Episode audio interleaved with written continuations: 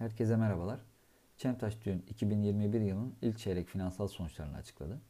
Şirket 31 milyon TL olan kurum beklentimizin hafif üzerinde 35 milyon TL net kar açıkladı. Burada herhangi bir piyasa beklentisi bulunmuyordu. Yılın ilk çeyreğinde Bursa Çimento hisse değerleme zararı 8.8 milyon TL seviyesinde gerçekleşti. Hatırlatmak gerekirse Çemtaş 4. çeyrekte Bursa Çimento hisselerinden 17 milyon TL tutarında değerleme karı elde etmişti. Öte yandan FAVÖK düşük 1Ç20 baz etkisi nedeniyle yıllık bazda %331 artış kaydetti ve 49 milyon TL olarak açıklandı.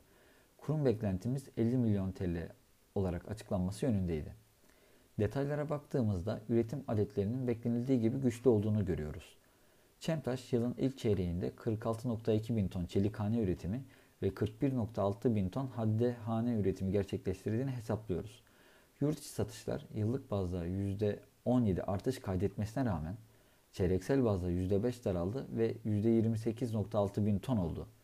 Toplam satışlarındaki payı ise %69 mertebesinde gerçekleşti.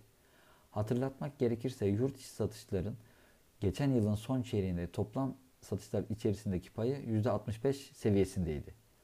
Öte yandan yurt dışı satışlar sürpriz bir şekilde yıl, yıllık %14 ve çeyreklik bazda %19 daralarak 13 bin ton olduğunu hesaplıyoruz. Böylelikle Çemtaş 2021 yılının ilk çeyreğinde 41,5 bin ton satış gerçekleştirdi ve 292 milyon TL net satış hasılatı elde etti. Kurum beklentimiz 290 milyon TL ciro açıklanması yönündeydi. Üretim maliyetleri çeyreksel bazda marjlar üstünde baskı unsuru olduğunu görüyoruz.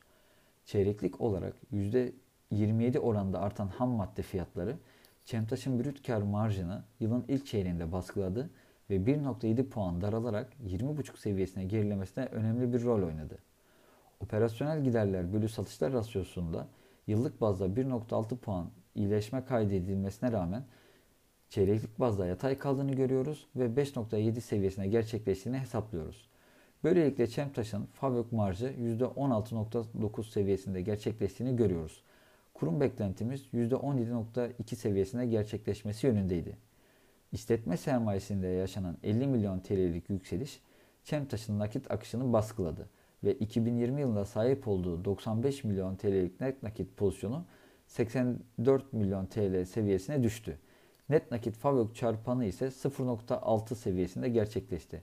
Hatırlatmak gerekirse geçen senenin son çeyreğinde bu çarpan 0.9 seviyesindeydi. Önümüzdeki çeyreklerde Çemtaş'ın artan hurda fiyatlarını istediği ölçüde satış fiyatlarına yansıtmakta zorlanabileceğini düşünüyoruz ve gelecek yıllara ait projeksiyonlarımızla göz önünde bulundurduğumuzda Çemtaş için 14 lira hedef fiyatımızı ve endeks altı getiri önerimizi koruyoruz. Hedef fiyatımız mevcut kapanışa göre %8 düşüş potansiyeli sunuyor.